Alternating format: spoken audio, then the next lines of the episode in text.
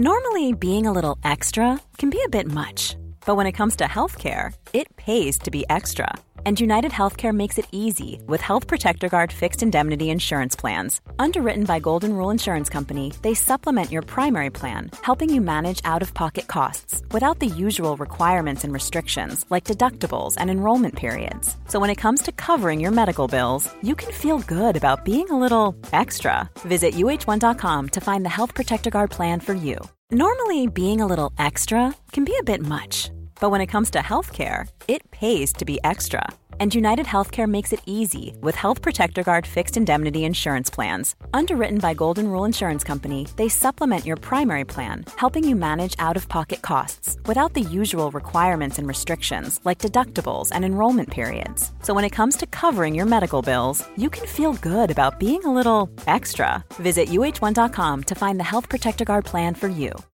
Millions of people have lost weight with personalized plans from Noom, like Evan, who can't stand salads and still lost 50 pounds. Salads, generally, for most people, are the easy button, right? For me, that wasn't an option. I never really was a salad guy. That's just not who I am. But Noom worked for me. Get your personalized plan today at Noom.com. Real Noom user compensated to provide their story. In four weeks, the typical Noom user can expect to lose one to two pounds per week. Individual results may vary.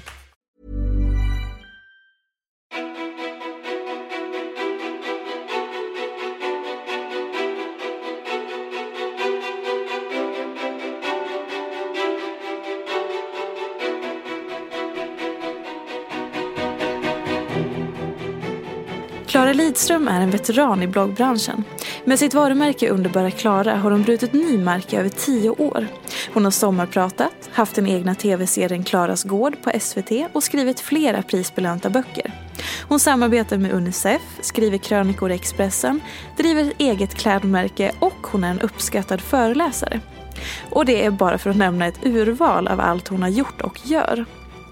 2017 blev bloggen Underbara Klara utsedd till Årets tidskrift, vilket måste ses som en sensation och är ytterligare ett bevis på Klaras storhet. Och då har jag inte ens nämnt att hon 2013 fick ta emot priset Årets miljöhjälte av kungen. I Klaras sociala medier får man följa hennes liv på gården i Västerbotten. Hon har blivit hatad för att visa upp det traditionellt kvinnliga som att baka och fixa i hemmet. Men de som följer henne vet att hon är feminist och inte rädd för att ryta ifrån. Klara delar även med sig av sorg, att hon äter antidepressiva tabletter och hur hon hösten 2015 blev sjuk i utmattningssyndrom. Klara Lidström är en av våra största influencers. Vad skiljer henne från mängden? Hon blev utmattad men sjukskrev sig ändå aldrig. Varför? Hon ifrågasätts och får kritik för sin ton i kommentarsfältet. Hur påverkar det henne? Vem är Klara Lidström? Varmt välkomna till podcasten Ofiltrerat med mig, Sofia Peterfia Ståhl. Hej Klara! Hej! Wow, vilken, vilken presentation. Den bara fortsatte och fortsatte. Ja, men det tog ju aldrig slut. Nej. Alltså för att du gör ju så mycket. Ja. Och har gjort så mycket. Mm. Jo men alltså det stämmer ju. Um, men det är också lite otäckt när man har varit utmattad och så ser man någon rabbla det där. Känner man bara, åh herregud. Mm. Vad, vad, vad känner du då? Var det värt det? Eh, så kan jag känna. Var det värt det? Jo men det tycker jag. Alltså, jag, det handlade heller inte bara om jobbet för mig när jag blev utmattad utan det var en kombination av saker. Men det är klart att det har tagit på. Och eh, det är ju bara att man tror jag måste vara ärlig med sig själv vad man får betala för pris. Ibland så glömmer man bort det eller låtsas glömma bort det för att det är ju lite smärtsamt också. Att se mm. saker man har offrat och så. Så då tänker man, ah men det var inte så jobbigt, det fixade jag och så. Men när man hör det uppläst och tänker på att man också sen blev utmattad så ja, då känns det sådär. Var det en så lång väg dit att du kände att det har varit på väg till mm. att du skulle bli utmattad länge? Absolut. Alltså jag vart ju utmattad ordentligt 2015. Det var mm. då jag liksom var då, vart utmattad. Men sen jag flyttade min blogg till Amelia 2014 och det var ju för att jag redan 2013 kände eh, varningstecken. Och hur, hur ska jag orka? Jag är så trött, jag vill ha till barn. Hur ska jag kunna ha ett eget säljbolag och liksom få ekonomin att gå runt? Nej, men jag tror jag måste flytta till en tidskrift som sköter allting sånt åt mig. Mm. Eh, så det var ju en, jag hade liksom insikten då. Eh, men sen så tror jag att en problematik kring utmattning är att man får tunnelseende. Så att man, ju sämre man blir desto sämre självinsikt får man, desto mer stressad blir man, desto mindre kan man göra någonting åt det. Så att för mig var det nog, ehm, ja, tiden innan jag blev utmattad, då hade jag inte så mycket insikt i utmattning. Då var det mer att jag bara, varför mår jag så himla dåligt? Varför funkar det inte? Vad är det för fel på mig? Nu måste jag rycka upp mig och jobba lite hårdare så att jag kommer till rätta med det här. Så. Det är så sjukt att första tanken är så här, ja, nu måste jag rycka upp mig och jobba ja. ännu hårdare. Ja. Eller visst är det det. Men jag har tänkt på det så mycket. Um, att uh, som tjej är man ju så sjukt skolad i att uh, förtränga sina känslor. Alltså mm. vi är mm. bra på att prata om våra känslor och känna efter tror jag. Sen är vi väldigt bra på att köra över våra känslor. Jag tänker mm. på, alltså från när man fick mens och man har mensvärk och man bara, men man kan inte stanna på skolan, det är bara upp och gå till skolan. Um, jag vet att jag har tänkt på mig själv sen genom alla år. Alltså jag har så många superkrafter. En superkraft är att jag aldrig behöver gå på toaletten. Jag kan bara hålla mig, hålla mig, hålla mig. Det är så bra att ha i skolan när det är så äckliga toaletter. Och jag kan hålla mig från att äta hur länge som helst. Jag kan jobba, jobba, jobba. Jag åt aldrig skollunch eh, och det gick jättebra. Eh, och jag är så bra på att arbeta hårt och utan att behöva vila. Alltså jag, jag har liksom förstått att det här är en viktig grej men jag är en sån här, sån, jag är så bra så att jag kan hoppa över det. Och vad sjukt, vänta jag var så här, åh det är ju alla de basala behoven. Ah, Kissa, ah, bajsa, mm. äta, vila. Det är ju så här, det är allt som gör att kroppen fungerar. Ja, visst är det. Och det, det ska man börja stänga av, stänga av, stänga av. Jag tror att man är väldigt tränad på det som tjej. Mer eller mindre förstås. Men mm. sen förstärks det när man får barn. För då är det ju bara, ja det spelar ingen roll att du tror att du ska upp och amma eller du ska upp mm. och bära en kolikunge eller liksom eh, jobba fast du knappt har fått sova något på natten. Så att man, man är väldigt tränad på att stänga av signalerna kroppen skickar. Och eh, som utmattad så, alltså kroppen är ju otroligt smart. Det måste ju du veta som ja. jobbar med kroppen. Men att eh, kroppen skickar ju massor av larmsignaler. Den ger en huvudvärk och den ger en ont i magen för att man stressar för mycket. Och då svarar man med Omeprazol och Alvedon. Mm. Och då kroppen bara shit, hon lyssnar inte på den här signalen. Vi skickar en ny signal, vi ger henne ångest, vi ger henne det, det, mm. Och om man inte lyssnar på det här till slut så bara, då är det som att kroppen drar ut eh, kontakten. Mm. Och då kraschar man ju i en utmattning. Men man har ju alltid blivit varnad. Det är ju inte så att man inte blir varnad. Man, man har sett det, bara att man inte haft självinsikt nog att lyssna på varningarna. Mm. Ja, och vi lever i ett samhälle som är som lär oss, fostrar oss att inte lyssna på kroppen. Mm. Det ska bara, som du sa, stängas av och också att du tänkt så här, jag är duktig mm. som stänger Exakt. av. Och det är ju så det är hela tiden för mm. att man är alltid utbytbar om man inte bara biter ihop och kämpar på. Mm. Och sen också kan jag tänka mig som både du och jag har, så här, man är egen företagare. Det finns ingen som städar upp efter Nej. en eller som gör ens jobb om man inte orkar en dag. Eh, man kommer, vi är en bransch där man alltid måste synas och höras, mm. vara aktuell, mm. komma med nya projekt, jobba lite hårdare, synas lite mer. Mm. Det är så väl klart är. att det stressar. Ja men exakt och det tycker jag är viktigt att lyfta för att det, det, finns så många nidbilder av människor som blir utmattade. Dels den här bilden av att man är lite lat och man kanske myglar och försöker slippa arbeta, man mm. går sjukskriven för det. Eller då den andra biten som, är, som jag kan gissa att du som har varit utmattad också blir mött av. Det här prestationsprinsessan, men lugna dig ner. Det är det här ja. Instagram-samhället som gör dig sjuk. Och, nej, det är också ett väldigt fördummande sätt att se på det. Som om man vore ett, ett, någon slags korkat offer. Utan vi har ett samhälle som har blivit väldigt, väldigt rikt på att människor jobbar över sin förmåga. Mm. Vi gör beskärningar inom liksom alla möjliga sektorer, vård och omsorg. Och sen så låter vi mindre personer dela på lika mycket jobb eller mer jobb. Och sen så driver vi dem ganska hårt och det går, funkar några år, sen blir de utmattade och så är det jättedyrt för samhället. Ja. Men vi har liksom, under tiden har vi blivit rika och det har funkat att göra så.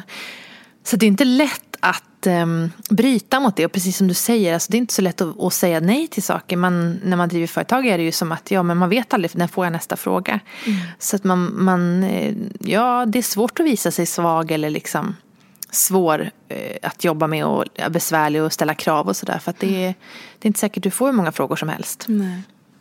Nu när vi spelar in det här så är mm. du här i Stockholm för att göra mycket press för din bok som mm. heter Hjälp jag är utmattad. Mm. Eh, din och Erikas bok ska jag tillägga. Hur är det för dig? För jag kan jag själv kom ut med en bok, eh, min första bok 2015, där en del handlade om utmattning och stress. Mm.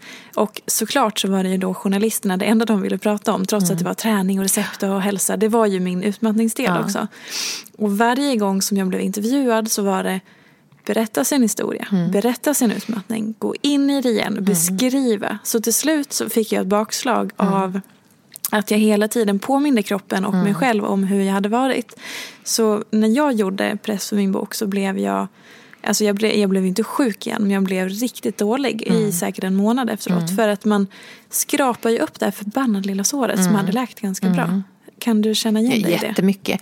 Jag har inte känt det så mycket just nu men jag är väldigt medveten om att eh, det kan komma efter de här intensiva dagarna. Och då mm. Tänker jag som jag det har lärt mig när jag skrivit den här boken är att stress är inte farligt brist på återhämtning farligt. Så nu är det jättemycket stress den här veckan så nästa vecka måste det vara jättemycket återhämtning. Mm. Och helst ska det också vara återhämtning mellan varje dag. Att jag sover ordentligt på kvällen och vilar och så här. Så att, sånt tänker jag på. Men jag har haft eh, många bakslag i våras när jag höll på med sista arbetet av den här boken och korreläsa och sitta och mangla och även läsa in ljudboksversionen. För att då läser man det här och det är som du säger, det river upp sår och så blir man lite koko i huvudet. Så man tänker, har jag ändrat mig? Och nej, nu gör jag om det här felet och så. Mm. Samtidigt känner jag för mig var det väldigt läkande att tillsammans med Erika skriva den här boken därför att man gick igenom vad är det jag gjort som har funkat, vad är det jag gjort som inte har funkat. Okej, okay. eh, man liksom, det är väl den bästa terapiform man kan tänka sig på ett sätt. Mm. Eh, men det är ju lite så obehagligt. Jag tror att man när man har varit utmattad så tänker man ju, när man blir det, först tänker man jag ska tillbaka till bli frisk igen. Och så tänker man på den man var innan man blev sjuk. Men den mm. personen gjorde ju en sjuk, så Exakt. dit kan man ju inte tillbaks. Så nu är det ju, känner jag att jag är i en fas som är väldigt spännande. Där det är så här, okej, okay, min akutfas är över, jag är hyfsat frisk. Men nu måste jag ju då eh, bygga ett liv som jag orkar leva och, och i tills jag blir gammal. Mm. Och inte, där jag inte hela tiden pendlar mellan utmattning och återhämtning. Och liksom. Um, och det är ganska spännande. Det är väldigt mycket självrannsakan. Vad ska jag göra som jag, som jag inte har gjort? Och vad ska jag plocka bort? Och vad vill jag ha i mitt liv? Och så här. Det är, när man mår bra, när man kan göra det när man mår bra, då är det en rolig resa att göra. Det är att det, det är inte så kul att göra det när man har kraschat. För då Nej. finns det ju så mycket skuld och skam i det där också. Var känner du att du är på väg någonstans då? Ja, men jag har ju skalat upp och skalat upp med mitt företag. Men jag har ju eh, ljugit för mig själv ganska mycket. Alltså till exempel, jag var inte barnledig med min andra son utan jag jobbade samtidigt och så tänkte jag det kan man ju göra. Jag har inte trivts jättemycket att vara barnledig på heltid. Mm. Um, och eh, då måste, det är okej. Okay. Men då måste man ju bestämma sig hur, vem ska ha barnet. Mm. Och min, vi har, jag har ju delat ganska mycket med min man. Men, men eh, om jag inte vill vara mammaledig på heltid då måste jag ju ta in hjälp. Det har inte jag gjort. Jag bara, ah men jag löser det på något sätt ändå. Jag fixar det själv. Alltså, mm. Och i jobbet också att jag har liksom inte hunnit med allt jobb och istället för att tänka, sätta mig ner och göra analysen, vänta nu här, vart är det det blir fel? Är det mejlen som är jobbiga? Är det att jag har svårt att lägga scheman? Vad är det som är kämpigt för mig? Så har jag bara eh, fortsatt och liksom power through it. Och mm. nu försöker jag vara väldigt ärlig med mig själv. Det här är jag skitdålig på. Det här kan jag inte. Det här vill jag inte göra. Så jag måste ha hjälp. Så nu är jag i en fas när jag bara tar hjälp av folk och börjar vara verbal kring det. Allt ifrån att ha in en assistent som hjälper mig med schemaläggning och gränssättning och mejlsvar och allting. Mm. Till att eh, eh, ja, men, i mitt jobb också leja bort allt som jag inte tycker är roligt eller givande. Mm. Det handlar ju om att ha råd att göra det också. Men för mig så kom det till den punkten att men alltså, om jag inte gör det nu så är jag ju bara det kommer göra att jag inte kommer orka hålla på med det här företaget överhuvudtaget. Så att mm. det får kosta.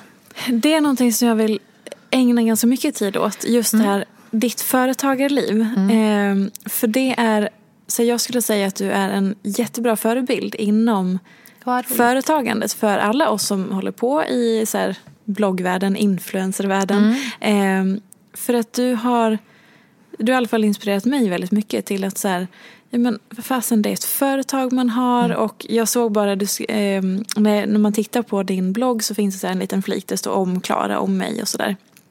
Och ditt eh, företag heter Nej, det står eh, Klaras produktionsbolag eller någonting. Mm. Att du mm. driver ett produktionsbolag, mm. att du är författare, fotograf och så vidare. Och det ger liksom en så seriositet som behövs. Mm. Och jag upplever att du alltid har agerat ut efter det. Att så här, ja, men visst, jag har en blogg och är en bloggare. Men det här är mitt företag, det här är min business. Och att du har som en väldigt bra syn på hela det. Som du fick tidigt. Som kanske det har tagit lite längre tid för många andra att, att mm. få.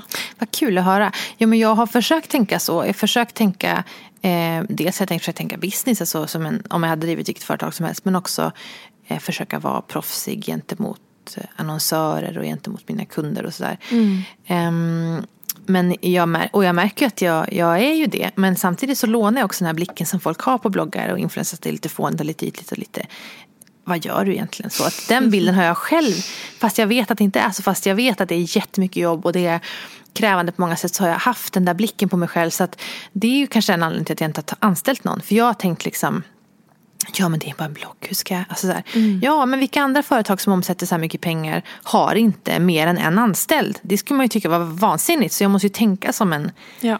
vilken företagare som helst. Så att, eh, sånt har jag tänkt på. Och sen tycker jag också att eh, när jag startade mitt företag, så det var 2011, då hade jag bloggat i fem år typ. Och jag satt ju som en stor rörelse på händerna men jag vill absolut inte bli företagare. Jag visste inte att jag skulle kapitalisera på det här. Jag kände bara, åh vad jobbigt, jag vill inte bli företagare. Så det har jag haft motvilja till.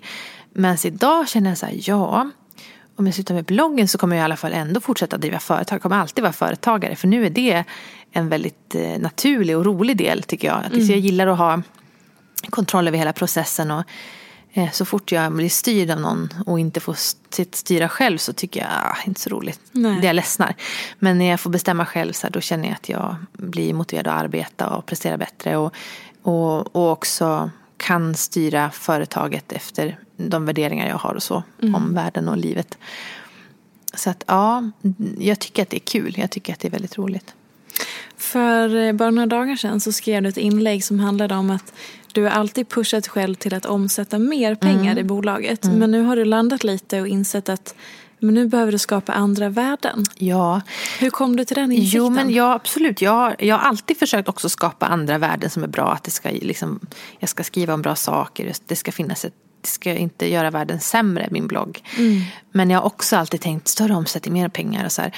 Varför att, gör man det? Ja, men, är det automatiskt? Jag är ja, likadan. men det är väl det samhälle vi lever i. Vi ja. lever ju i att hela tiden förbättra våra utseenden, och våra mm. hem och våra liv och våra relationer. Så varför inte omsättningen i sitt företag? Mm. Eh, men så jag känner nu att ja, men jag behöver inte omsätta så mycket mer. Nu har jag råd att ha någon som gör de tråkigaste sakerna.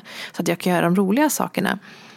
Och då är det ganska mycket värt för mig. Och framförallt att det är så lätt att man tänker att man, ett mål är att omsätta mer pengar. Men att när man börjar jaga det målet, alltså siffror är ju oändliga. Så du kommer inte bli nöjd. Det är bara att sätta en till nolla bakom den där summan du hade tänkt att du skulle mm. omsätta. Och så bara fortsätta. Du måste ju veta vad du ska ha pengarna till och framförallt vad som inte ska hända med ditt företag. Och jag har tänkt vad ska mitt företag inte bidra till? Det ska bidra, inte bidra till att jag blir mer stressad, att jag inte har frihet. Alltså det som är värdet med, mitt, med att liksom ha den här rörelsen det är ju att jag får bestämma själv, att jag kan resa mycket med, alltså det behöver inte vara långt bort, men typ till min mormor och hälsa på och vara ledig mitt i veckan. Att jag kan bestämma själv, att jag kan välja vilka jag vill jobba med, som jag tycker om, människor som är vettiga och bra värderingar. Eh, men om jag ska jaga omsättningsmålet högst, då kanske många av de sakerna är sånt jag måste tumma på. Mm. Så det kan ju inte vara viktigast. Och det är egentligen självklart att pengar inte är viktigast. Men det är, när man driver ett företag så är det ju ekonomi allting. Ja. Så att, ja. Vad skulle du säga, så här konstig fråga, men vad är det som får dig att gå upp, på, gå upp ur sängen på morgonen mm. och säga jäklar nu ska jag jobba, fan vad gött. Alltså det här låter så himla platt, jag tycker verkligen det, men det, för mig är det så här att inspirera människor. Det är ett sånt flummigt svar, men för mig är det också så, alltså jag blir så himla lycklig när jag har fotat någonting där jag känner att det här kommer folk gilla, det här kommer folk tycka är fint och säga. Det här påminner om när jag var liten eller när min mormor, när jag var liten och var hos mormor. Eller så här. När jag ger någonting till någon som kan injicera energi i deras vardag eller lugn för den delen. Mm. Och det kan man tycka är fånigt eh, för att jag gör ju, vad håller jag på med? Jag fotar bilder av mitt hem och bakar bullar och skriver texter om feminism. Det, är inte, ja, det, det sistnämnda kanske ändå har något värde men det andra, vad är det? Det kanske bara är trams. Men jag som har varit deprimerad i perioder och, och utmattad och gått igenom väldigt tuffa saker när jag var yngre eh, vet också att, ja, men till exempel efter att min mamma hade dött och jag var väldigt deprimerad och sängliggande typ så det jag började göra då var att jag gick till kiosken som låg nära det hus där vi hade då. Så gick jag och köpte lantliv och så gick jag hem och så tittade jag i den och på alla vackra bilder. Och så tittade jag på Leilas bakprogram och alla vackra scenografier. Och så tänkte jag, bara, gud det kanske det finns ju roliga, alltså det var ju mm. något som inspirerade mig. kanske jag skulle försöka baka, en bull, baka bullar eller baka en kaka eller bara sätta upp en gardin. Så att, och det i sin tur är väldigt läkande för mig. För när jag gör det så det ger mig väldigt bra energi och jag blir glad och så vill jag göra mer sådana saker. Så att jag vet att även det som är till synes ytligt, precis som egentligen musik eller vilka konstupplevelser eller kulturupplevelser som helst, att det kan, det kan vara så ytligt men ändå så mm, påverka människors liv faktiskt. Mm. Känner du att eh, så här, för när du, när du berättar nu om eh, ditt företagande och hur du ser på allting och så, så nedvärderar du ändå dig själv lite? Tänker du på det? Nej. Att du säger, ja ah, men det här kanske är tramsigt eller det mm. jag säger är så platt eller sådär. Mm. ja. du, jo. Är det, för, är det för, att du, för att det är bilden av mm. influencers eller är det någonting i dig? Det är för att det är bilden och för att jag vill förekomma de som sitter och tänker så här, men gud vad hon pratar pretentiöst, det är bara en jävla mm. blogg. Mm. Men samtidigt så som, som jag sa, jag tror att jag också ändå blir smittad av det där tankesättet. Det är därför jag inte har anställt, det är därför jag inte har mm. tagit hjälp i den mån jag skulle. För att jag tyckt själv att är inte det förmätet att ha en personlig assistent när man är bloggare? Mm. Då tror man att man är Blondinbella eller vad är liksom. Mm. Ja, har man hybris? Så att absolut att um, det ändå smittar av sig. Så. Och det är så sjukt för jag tänker att har inte bloggbranschen bevisat sig än? Alltså på något sätt att säga, ja men vi, det är unga kvinnor, startar företag, får liksom makt genom sina sociala medier och sen finns det saker som absolut man inte kan stå bakom. Mm. Så, man inte, så ska man inte hålla på och folk får bli mer professionella och sådär. Men att så här, bloggen som fenomen, mm. det är ju någonting. Mm. Alltså så känner jag verkligen att det, man har bevisat sig gång efter annan. Eh, men det tror jag också så att eh, i vårt samhälle så är vi väldigt besatta av bedömning och att i traditionell media så har du fått skriva en artikel, är det en redaktör som har godkänt den och är du med i tv så är det en producent som har sagt att du får vara med. Ehm, får du ett jobb, ett bättre jobb så är det en chef som har anställt dig. Och här kommer en hel generation unga tjejer som bara snickrar en egen scen, ställer sig på den och bara jag skiter väl i en regissör, jag bara kör. Och man kan vara hur korkad som helst, det enda man gör kanske är att prova att äta hundmat och recensera schampon liksom.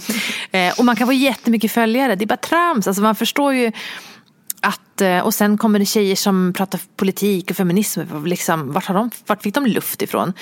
Eh, och så ska folk följa det. Alltså det finns ju Eh, ett förakt mot sånt som inte är riktigt godkänt från mm. högre instans. Och hela sociala medier handlar om det. Att du behöver inte få godkänt från högre instans. Om nog många gillar dina klipp när du, när du äter hundmat så är det väl, då, har du, då når du ut och då är det ju så.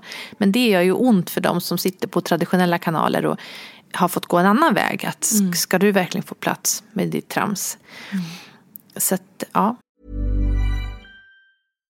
If you're looking for plump lips that last, you need to know about Juvederm lip fillers. With Juvederm Volbella XC and Juvederm Ultra XC, your lip look, whether it's subtle or bold, can last up to one full year with optimal treatment and no additional maintenance. Find a licensed specialist and see if it's right for you at Juvederm.com today. That's J U V E D E R M.com. Add fullness to lips in adults over 21 with Juvederm Volbella XC or Juvederm Ultra XC. Do not use if you have severe allergies or a history of severe allergic reactions, or if you're allergic to lidocaine or the proteins used in Juvederm. Tell your doctor if you have a history of scarring or taking medicines that decrease the body's immune response or that can prolong bleeding. Common side effects include injection site redness, swelling, pain, tenderness, firmness, lumps, bumps, bruising, discoloration, or itching. As with all fillers, there's a rare risk of unintentional injection into a blood vessel, which can cause vision abnormalities, blindness, stroke, temporary scabs, or scarring. For full important safety information, visit juvederm.com.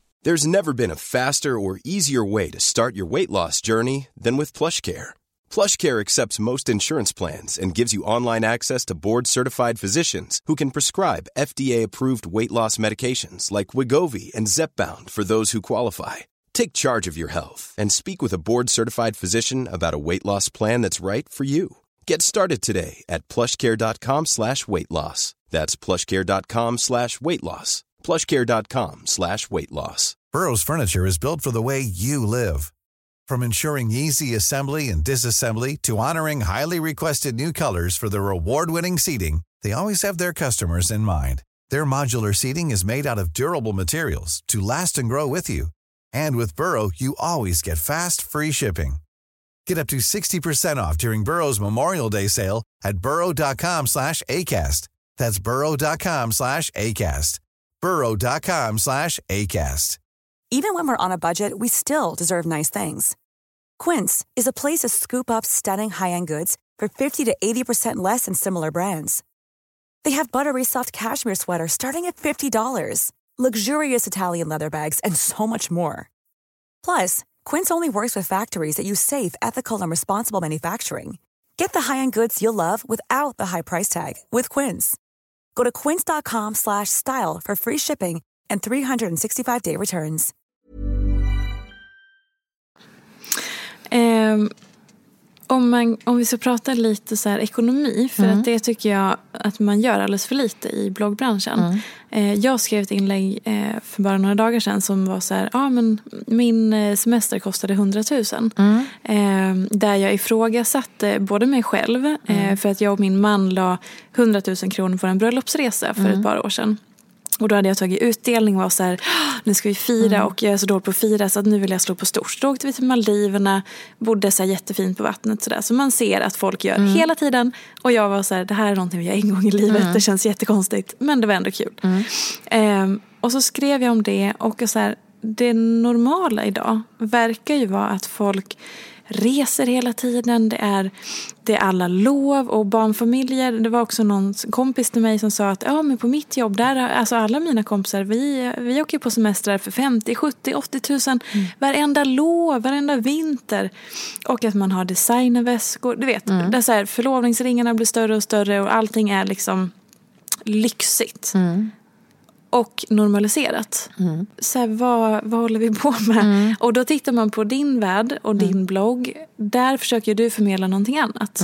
Med ert lantbruk och så här, second hand och allting. Så här, ge mig tankar om det är precis Nej men så. ja, det är ju så. Jag tror att det handlar ju, jag menar stor del av Sveriges folk har inte den möjligheten men man rör sig i sådana kretsar där folk har de typerna av pengar. Och jag har tänkt jättemycket på det att jag, eh, va- varför jag har svårt för Stockholm. Och det tror jag för att hemma rör jag mig, där jag rör mig hemma så jag har kompisar som har bra lön. Jag har också väldigt mycket kompisar som jobbar inom vård och vanliga yrken liksom. Och jämfört med dem så är jag så sjukt rik. Alltså jag är så privilegierad. Men de pengar jag tycker, och, och jag, jag känner mig rik. Jag känner att jag, har, att jag är rik. Jag känner att jag, har, att jag känner mig fri för att jag inte behöver oroa mig så mycket. Vi har ett hus som var jättebilligt att köpa liksom, men jag har ju ett hus på landet och så här. Ehm, Eh, och, och när jag då tänker så här, fast det här, det här krönikarvodet på 6 000 det är liksom två månadshyror för mig. Om du bor i en lägenhet i Stockholm och betalar 20 000 för att bara amortera på ditt lån så jag menar en krön, du måste skriva hur många krönikor som helst. Så att, eh, mina pengar som är mycket värda där jag befinner mig är inte värda någonting här. Och när jag kommer till Stockholm så tycker jag, jag tycker att jag har ett jättefint hus som ser ut. Det är inget märkvärdigt så men det är, jag har ju fått göra det som jag velat. Men när jag kommer hit så är det liksom allting jag har och är stolt över hemma är skit här. För här liksom, det är en sån mycket högre materiell nivå här. Och det tror jag, alltså all fattigdom är ju relativ. Vi har ju, jag jag såg en undersökning om liksom att fattiga personer i fattiga länder mår mycket bättre än fattiga personer i rika länder. Eh, även om de har ungefär samma standard då. För att eh, i fattigt land så har ungefär alla samma standard. Du behöver inte jämföra det med de som har väldigt mycket pengar. Medan i ett rikt land så finns det också de här superrika. Och så är du fattig och så blir det den här starka skillnaden som skapar såklart spänningar i ett samhälle. Så att jag har tänkt mycket på det. Jag är så väldigt glad över att jag eh, nästan inte har några kompisar som resonerar. Jag vet, jag förstår det där för jag har bekanta som lever så, där det är vanligt och så. Jag är väldigt glad att jag inte har det. Jag är väldigt glad att ehm, jag är i ett sammanhang där jag eh, känner att vi kan göra allt det vi vill fast det är inte så mycket vi vill. Det är jätteskönt att inte behöva fundera på att ha råd med bensinpengar när man vill åka på bilsemester till exempel. Ehm, så jag tror att man måste också, man, om man lever i ett samhälle, lever i en umgängeskrets där alla har mycket pengar så kommer man dra med, dras med i det också, bli missnöjd tror jag. Och, Mm. och inte se, vara glad för det man har. Så man ska ju, man får akta sig lite. Alltså faktiskt tänker jag på det. Gud ja. Ehm, Och just att så här, det normala flyttas ju hela tiden. så okej, Mm, verkligen. nu är det normalt att eh, den här eh, 20-åriga tjejen hon har en diamant på en karat. Jag fattar inte hur folk har råd faktiskt. Nej. Jag tänker att, men, men det är också så att folk är ju, har ju inte alltid råd. Folk, det är så mycket man inte ser och förstår och folk är belånade och folk har ju Mm. ofta ohållbara ekonomiska situationer men det ser fint ut utifrån. Mm. Jag har alltid velat bli rik och då har jag tänkt man kan ju bli rik på två sätt. Rik för att man har väldigt höga inkomster eller för att man har väldigt låga utgifter. Eh, resultatet är ungefär detsamma, det vill säga frihet. Att inte behöva tänka så mycket och nästan mer frihet om du har låga utgifter. Ehm, och där har jag alltid liksom tänkt att jag ska leva eh, enkelt och sen har jag gjort det mindre och mindre. Alltså jag har ju ökat min, såklart min materiella standard jättemycket senaste åren för att vi kunde renovera i ordning och sådär. Men fortfarande tänka så att jag ska ha ett liv där allting runt omkring är ganska litet så att jag bara genom att det är så kan säga fuck off till företag jag inte vill samarbeta med eller personer som gör saker mot mig. Jag, behöver inte, jag är inte ekonomiskt beroende av dem. Sen jag menar, det är så lätt att prata om pengar. Det blir så lätt att man låter så aningslös. Jag tänker på Eh, jag menar, det här är ett privilegium att kunna bestämma det. De flesta är jätteglada om de får en lägenhet i vilken förort som helst och ett andrahandskontrakt. Och, alltså, Det är så olika. Men det som är så sjukt är när man tittar på Ja, och många bloggare då tjänar väldigt mycket pengar och visar upp en sån livsstil. Så att man också börjar nästan tro att det är det här som är normen. Det här ska, så här ska det vara. Och eh, ja, sen kan jag känna, om man pratar om vad man tjänar på, på bloggen. Och så, här, så det kan jag bli provocerad ibland när, man, när folk liksom, ja men ska man tjäna 100 000 på att visa en yoghurtförpackning? Ja fast om vi nu säger att det är någon som kan fakturera 100 000, det är inte så många som kan göra det på att visa en bild på yoghurtförpackning. Så är det ju, först har man ju ett säljbolag som har förmedlat det och kanske också en, en mediebyrå på andra sidan som drar bort ett antal procent av det. Så då kanske man är nere, man har dragit bort alla, de kanske man är nere i 65. Och sen så får man ju inte betalt för det är inte det där inlägget man får betalt för. Eh, utan man får ju betalt för att du har under fem års tid byggt upp så mycket trafik att det är någon som kommer läsa det där inlägget. Så det är ju inte det där inlägget de betalar för. De betalar för att synas bland alla dina läsare som du har fått för att du har gjort 60 andra inlägg den senaste månaden. Så att eh, när man då skalar Bra. ner det, ja när man tittar på det så bara ja, då kanske, sen när man dragit av skatt och man dragit av de kostnader man har så kanske det är så här då kanske man ändå har kvar 20 000 och tänker folk, fy fan ska du tjäna 20 000? Jag tjänar 20 000 på månaden, du får det för ett yog- yoghurtinlägg. Ja, fast det kanske är det enda inlägg jag säljer just nu. Och sen så måste jag ha pengar att betala. Alltså, man, man ska inte prata pengar och företag med eh, folk som inte vet. För att det är inte samma sak att vara anställd, det är så mycket som kostar runt omkring och dessutom så eh, det är ingen som får en stor blogg idag utan att ha lagt ner jätte, jättemånga timmars obetalt arbete. Ja, kanske om du är ett kändisbarn. Ja. Är barn till någon rik person eller på något vis är spännande på det sättet. Men annars så, jag menar, du har bloggat jättelänge, jag har bloggat jättelänge. Som jag skulle räkna ut Även de första åren när jag började tjäna pengar, men skulle du ha slagit ut det på alla år jag har bloggat så har jag haft en pissig timlön kan man verkligen säga. Otroligt mycket tid för att bygga upp någonting som gör att man idag kan ta betalt. Sen ska jag inte klaga på ersättning för jag tycker som sagt var, jag känner mig rik. Ehm, men det tror jag har mer att göra med att jag befinner mig i sammanhang där folk har väldigt vanliga inkomster. Och då känner jag att jag är rik i jämförelse. Hur definierar du rik liksom för dig själv? Är det så här att okej, men nu har företaget omsatt en, två, fem miljoner eller är det hur mycket du tar ut? Eller, så hur definierar du rik? Rik för mig det är att kunna gå in i mataffären och känna så här, vad är jag sugen på? Jag vill ha goda oliver, inte de där jävla oliverna i plåtburken. Jag vill ha goda oliver. och de kostar 15 spänn extra. Jag tänker köpa dem. Jag tänker köpa ett jättestort pack med vindruvor. Jag skiter i att det, alltså du vet.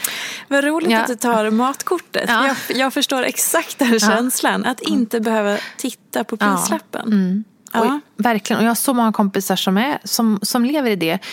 Titta på prislappen, du, vi, vi kanske inte går ut och fika när vi ses för jag har inte pengar till det. Ja, men då är det också väldigt kul att känna, men jag bjuder. Ja. Det är också att känna sig rik, att bara, men jag kan, jag, jag, jag bjuder gärna de som, mina kompisar som inte har pengar. Det är jätteroligt att få känna så. Men också känna att eh, man inte är orolig för kommer mitt kort gå igenom när jag står i kassan. Det tycker jag är rikedom. Och också känna att man kan som sagt tacka nej till en del jobb och uppdrag som man inte känner 100% för. För att man är trött eller för att man inte har lust eller så. Det är en väldigt stor rikedom att inte bara känna att jag måste bara ta alla pengar jag får, alla pass jag får, arbetspass jag får möjlighet att ta. Ehm, utan faktiskt kunna sålla lite. Vad är det största som du har tackat nej till jobbmässigt? Nu tänker jag efter här. Var svårt att komma ihåg exakt för att det har man ju släppt sen men jag vet att jag har sumpat många chanser för, för tv till exempel för att jag har liksom när jag fick min första son så det var precis efter mitt sommarprat eller i, i samband med det och hade väldigt mycket på gång med tv och så här och så kände jag bara nej men nu då kände jag också första gången igen att nu kommer jag bli jag kände mig överansträngd, tänk om jag blir utmattad. Och tackade nej, eller, och framförallt var så här, det passar inte nu, kan vi titta mm. på det till hösten? Och då är det bara så att nej, då har de gått vidare. Då är man inte aktuell längre. Och det är klart att det kan kännas surt, men jag känner också att, ah, men då var det väl så. Jag, det var min prioritering då, att få vara mer ledig och vara med min son. Då måste det vara så. Eh, du och jag har ju lite samma situation. Eller mm. du var i den här situationen när dina barn var små. Och jag är ju där nu. För mm. jag har ju en dotter som är sex månader. Eh, och kombinerar ju jobbet med att vara, beb vara bebis, vara mm. mamma. vara bebis. Ibland är man bebis. Ja, eh, och du har jättemycket erfarenhet. För du jobbar väl så med din mm. första son också? Mm. Eller? Ja. Så här, hur hur upplevde du den här tiden? Jag har gjort det här i ett halvår nu. Mm. Du har alltså gjort det med två olika barn. Mm. Jag vill veta allt. Ja.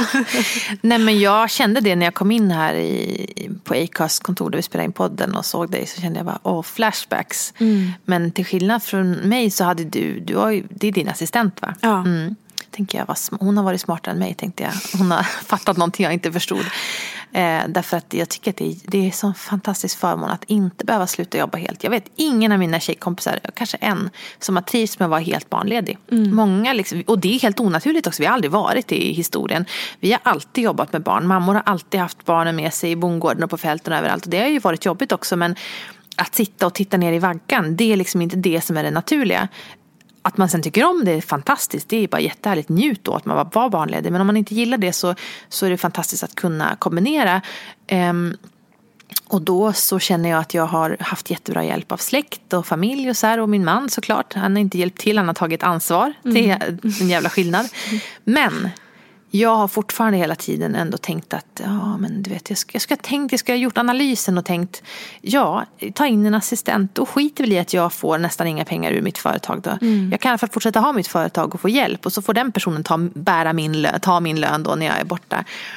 Men att jag i alla fall liksom, så att jag får en ärlig chans att jobba därför att jag tyckte att det gick jättebra tills barnen var ungefär sex månader. Mm. Jag har haft väldigt lättsamma bebisar. Men sen började de krypa och fara och är sura och vill inte bli lämnade. Och då hamnade jag i det här att hela dagen gick jag och stressade över att jag såg mejl och, och, sms och så. Och så kände jag att så fort man lagt sig vid sju, för jag har lagt mina barn vid sju, så mm. nu ska jag sätta igång mitt arbetspass. Och det, då är man helt knäckt för att man vet, man får aldrig vara ledig. Man får bara, man går, först jobbar med barnen hela dagen, så jobbar man med jobbet hela kvällen. Ja. Det funkar inte.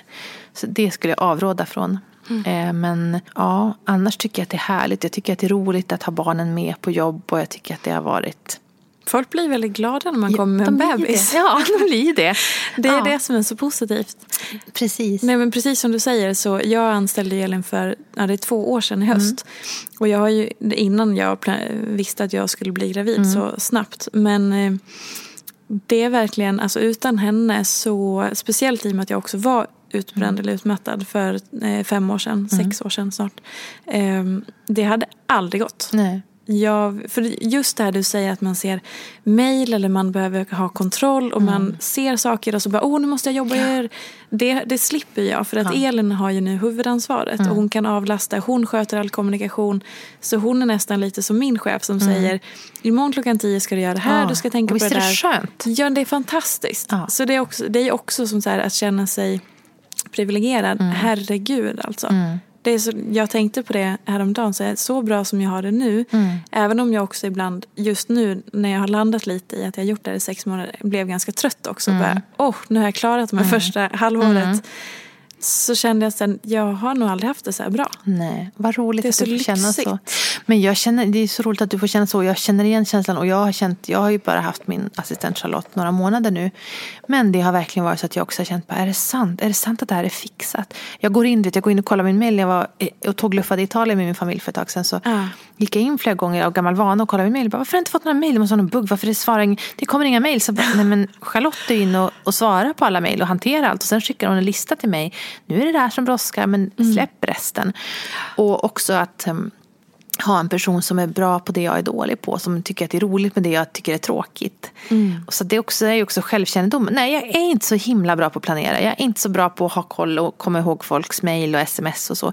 Så det är mycket bättre att någon annan gör det. Precis som att jag inte är bra på bokföring och jag är inte bra på, eh, ja, men, på att bygga hemsidor. Det har jag någon som gör åt mig. Så jag tror att ja, man måste bli bättre på att ta hjälp. Men att ibland är det också så att när man tar hjälp av släkt och familj så så är du ju ändå lite villkorat. Du kan inte göra det hur mycket som helst. Därför så tycker jag att det är så viktigt att ta hjälp med saker av folk man faktiskt har betalt och faktiskt kan känna, jo men du ska göra någonting för mig. Mm. Jag behöver inte ha dåligt samvete för att du, du, hjälper mig så mycket. För att det är ditt jobb och du vill göra det. Så att jag förstår det där. Sen kan jag väl bara säga att för mig var det också så att jag kände mig väldigt så här stark i typ sex sju månader. Bara, yeah, det här går bra. Och jag är inte så trött. Som folk pratar om att man är så trött, det, det köper inte jag. Så kände jag min första graviditet och så min svärmor som har mm. fyra barn. Ja, men tröttheten brukar ju komma ganska långt efter. Alltså tröttheten kan kommer vara värst efter ett år. Alltså att, mm. Och det tror jag inte att man är beredd på. Man tänker att bebistiden är sämst men den kan ju vara jättemysig också. Ja.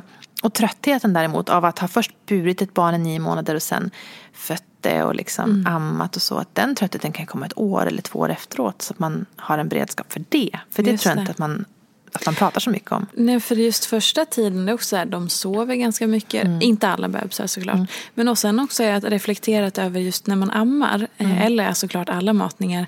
Att det blir en naturlig paus. Där man bara sitter och så här får, ah, ja. nu, nu sitter jag här och andas lite och så äter vi lite och så. Och den får man ju inte i vanliga Nej. fall i livet. Nej, eller hur? Så det blir ju en paus. Mm. Det där är så himla bra. Och jag som också är lite folk kan bli trött på folk kan tycka det är så skönt mm. när jag och bara Jag tycker om, jag älskar att bjuda hem folk men sen efter en stund känner jag bara jag är så trött jag måste skulle bara vilja komma undan och surfa typ en stund eller ligga på sängen komma mm. tillbaka om en timme. Då kan man bara jag måste gå och amma nu på ja. sängen. Så får man gå iväg en stund och ta en paus och det är så sant. Men jag, jag har tänkt mycket på det där för att jag, jag var väldigt lat när jag var liten och, och, och gjorde ingenting hemma och var väldigt bra på att ligga och läsa hela helgen och pilla mig i naveln och bara ha det skönt och var, liksom var avslappnad. Så jag har alltid haft den. Liksom. Jag är bra på återhämtning, jag är bra på att vila. Men grejen är att all återhämtning jag har haft har varit sånt, jag har inte behövt tänka på den. Och sen när man får barn då försvinner ju plötsligt den naturliga återhämtningen. Från att eh, liksom har gått mycket hundpromenader, kanske vilken tid som helst på dygnet, sent på kvällen om vill. Det är ingen som man måste mm. barnvakta som ligger hemma och kan bli rädd när de vaknar själva. Utan man kan gå ut och gå precis när man har lust. Och man kan ligga och läsa en hel dag i sängen eller så. Till att eh, plötsligt så kan man inte gå ut och gå när man vill. Och man har i så fall ett skrikande barn med sig. Och eh, plötsligt märka att de här tiderna när jag brukade gå ut och, och gå och fundera för mig själv så ringer jag jobbsamtal. Mm. Och på tåget in till stan så sitter jag och mejlar och messar. Så att många av de här naturliga pauserna har försvunnit i mitt liv sedan jag fick barn. Det är inte barnens fel men också för att jag har gjort mer karriär sedan dess. Så nu tänker jag mycket på det där, som du, apropå det du sa med amningspauser. Att ja, lägga in hela tiden vila och mm. anstränga Jag måste anstränga mig för det. För jag har aldrig lärt mig att anstränga mig. Jag har bara haft det naturligt. Det. Och det är en jäkla skillnad. Ja, verkligen. Och speciellt idag när man så tar upp telefonen. Som av en ren reflex. Mm. Man bara så här, ja, nu, nu sitter jag och scrollar här. Mm. Och så tänker man inte ens på det. Nej. Jag, har, eh, jag nattar också Edith vid sjutiden. Eh, och då blir det att så här, när hon har somnat då brukar jag ligga kvar en stund för att hon ska somna in och så här, mm. ja, ligga och gosa lite. Och så tar jag upp telefonen kanske när hon har ja, legat och sovit fem minuter och så börjar, ligger jag och scrollar lite då den här mm. kvarten som jag har tänkt ligga kvar för att mm. hon verkligen ska somna in. Ja, och sen helt plötsligt så har det gått en timme. Ja. Bara, fan, jag har scrollat bort en timme av mitt ja. liv som aldrig kommer tillbaka. Ja. Helvete. Ja, verkligen. Fan också. Verkligen. Och jag, verkligen. Och jag tycker det var så oh. jobbigt för att när jag fick Bertil som är sju nu, då hade jag ingen smartphone. Mm. Så då ammade jag och, alltså man kan ju ligga och surfa men det är ganska krångligt att ha en dator och ligga i sängen och så här. Så det vart ändå mycket att man bara, jag ligger väl här och tittar in i väggen. Men det vart ändå vila. Ja. Medan med Folke så fick jag en, en smartphone och långt innan han kom. Så då var det mycket så här ligga och det gick lättare att amma för jag kunde fördriva tiden och blev inte less.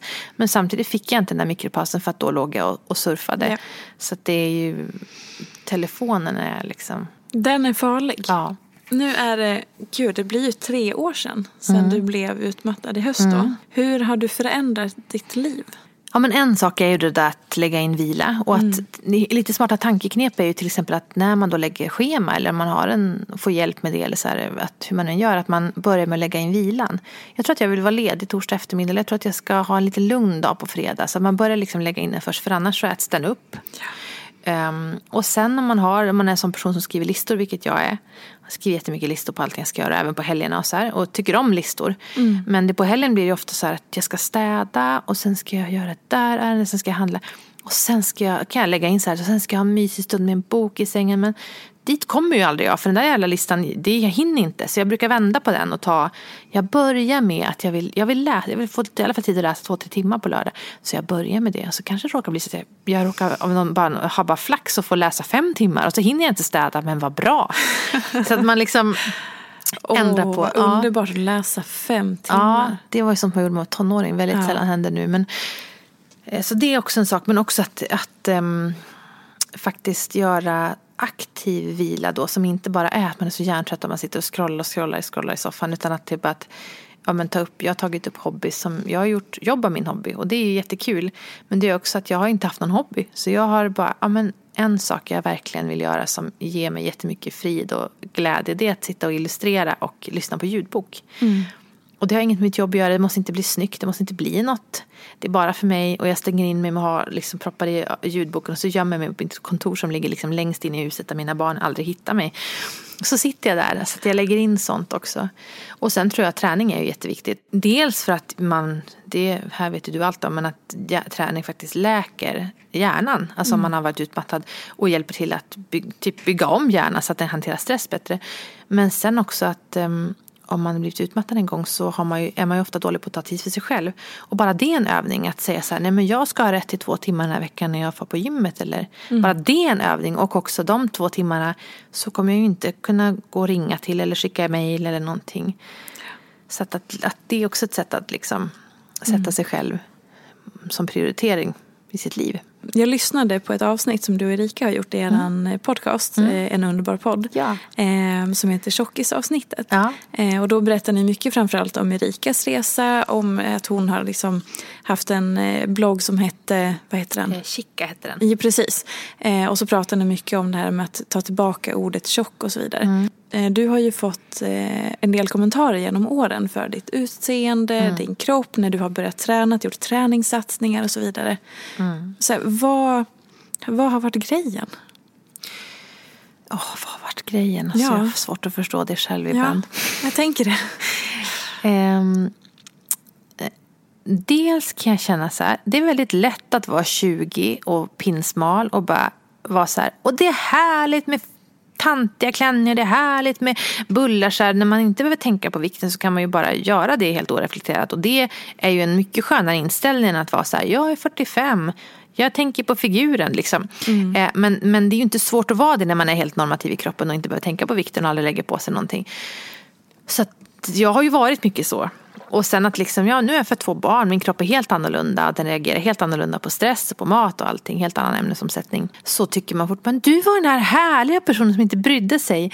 Och du ska vara en förebild, du är ju feminist, du ska ju så här, du ska kunna stå över det här. Ja, och då känner jag ofta så här, ja men för det, har vi, det kravet har vi ofta på framförallt kvinnor i offentligheten. Att de ska, stå, ska Alice Bah Kuhnke, alltså, eller Beyoncé eller, vem, eller Nina Björk. Ska, de måste ju stå över de här sjuka idealen de är emot. De har ju inte fattat någonting. För vi lever ju i samma, vi lever inte i ett parallellt samhälle. Vi lever i samma samhälle. Vi har samma krav på oss. Kanske ännu mer eftersom att är man i tv eller så så blir man ännu hårdare granskad. För att ja, det är objektifierande bara att vara i en bildruta på en podd. Eller, eller förlåt, på, en, på ett Instagramkonto eller YouTube-konto eller i tv för den delen. Så att, att, man inte skulle bli på, att man inte själv skulle bry sig är jättekonstigt. Att man skulle stå över det är ju för det första en jättekonstigt antagande. Men sen så, alltså det finns ju så mycket sjuk, sjuka grejer kring träning och kost. Och folk som håller på med sina jävla juice detox. Och, och är pinsmala men ändå pratar om den här valken på magen och så. Och på ett oansvarigt sätt. Och det blir man ju trött på. Samtidigt som jag, det går inte att komma ifrån att eh, vi behöver röra på oss. Eh, våra hjärnor mår bra av det. Har man ångestproblematik eller utmattning eller generellt depression så är medicin en av de kraftfullaste verktyg man har för att, eller motion en av de kraftfullaste ja. mm. mediciner man har för att komma till rätta med det. Så att man kan liksom inte låtsas som att, och att man kan bli väldigt frustrerad när det är så här, men ja, du säger att träna för hälsan men det är bara för utseendet. Ja, men det, man kan ju hålla två tankar i huvudet samtidigt. På ett sätt kanske man tränar för utseende men å andra sidan så det är ett annat spår också som är att, jag, att när, om, man har, om man har börjat träna och känner endorfinerna när man har gjort ett löppass eller att man känner att när jag, när jag tränar så efteråt vill jag ta hand om mig själv. Mm. Jag känner att jag är viktig. Jag är en person som förtjänar att få liksom må bra och så.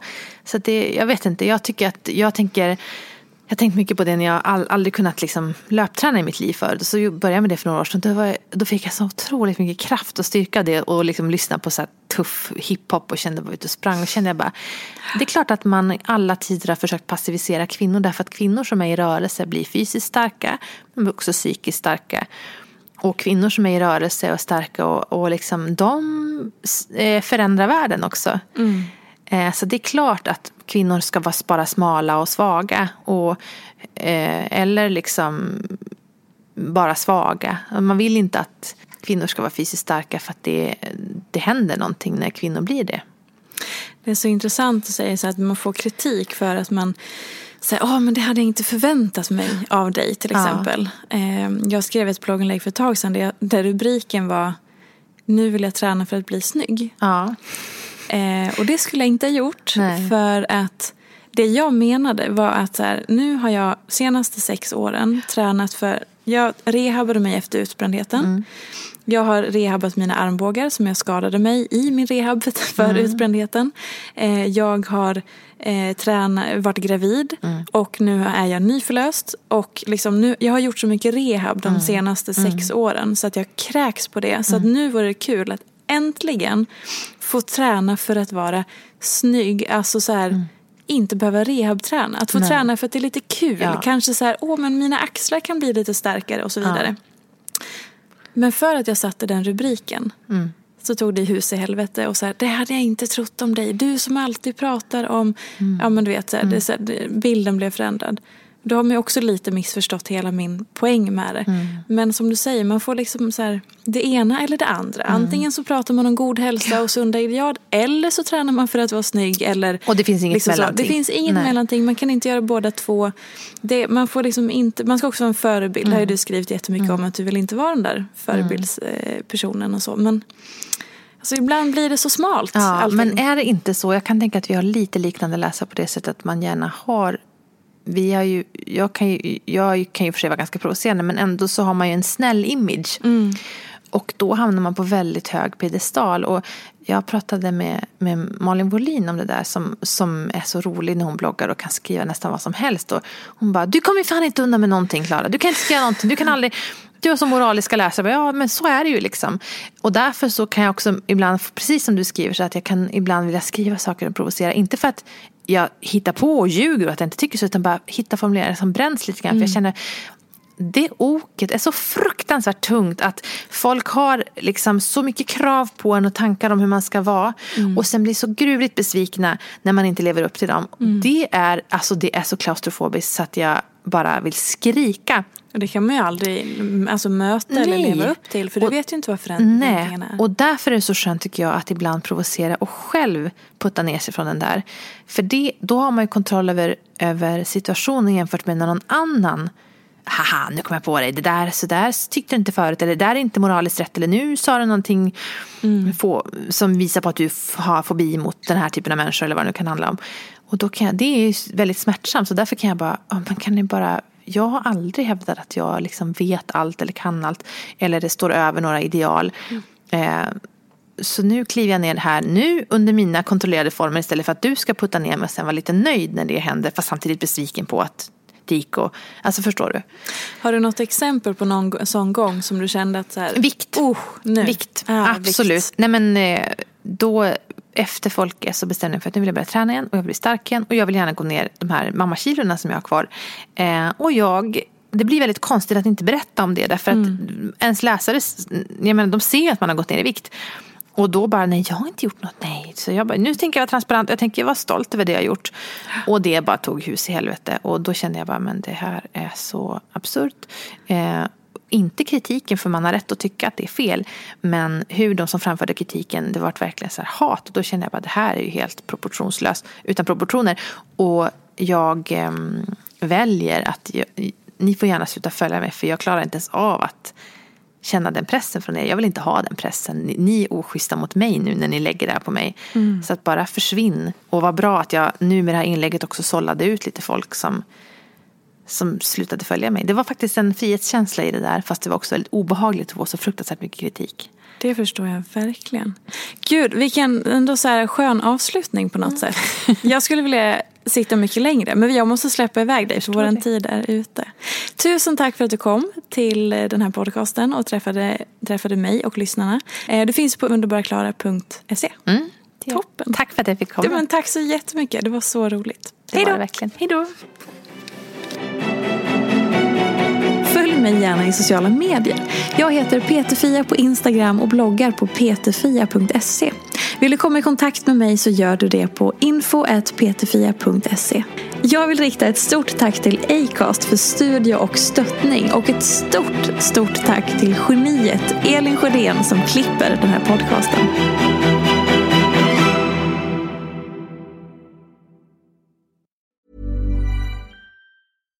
Here's a cool fact. A crocodile can't stick out its tongue. Another cool fact. you can get short term health insurance for a month or just under a year in some states. United Healthcare short term insurance plans are designed for people who are between jobs, coming off their parents' plan, or turning a side hustle into a full time gig. Underwritten by Golden Rule Insurance Company, they offer flexible, budget friendly coverage with access to a nationwide network of doctors and hospitals. Get more cool facts about United Healthcare short term plans at uh1.com. Mom deserves the best, and there's no better place to shop for Mother's Day than Whole Foods Market. They're your destination for unbeatable savings, from premium gifts to show-stopping flowers and irresistible desserts. Start by saving 33% with Prime on all body care and candles. Then get a 15-stem bunch of tulips for just $9.99 each with Prime. Round out Mom's menu with festive rosé, irresistible berry chantilly cake, and more special treats. Come celebrate Mother's Day at Whole Foods Market.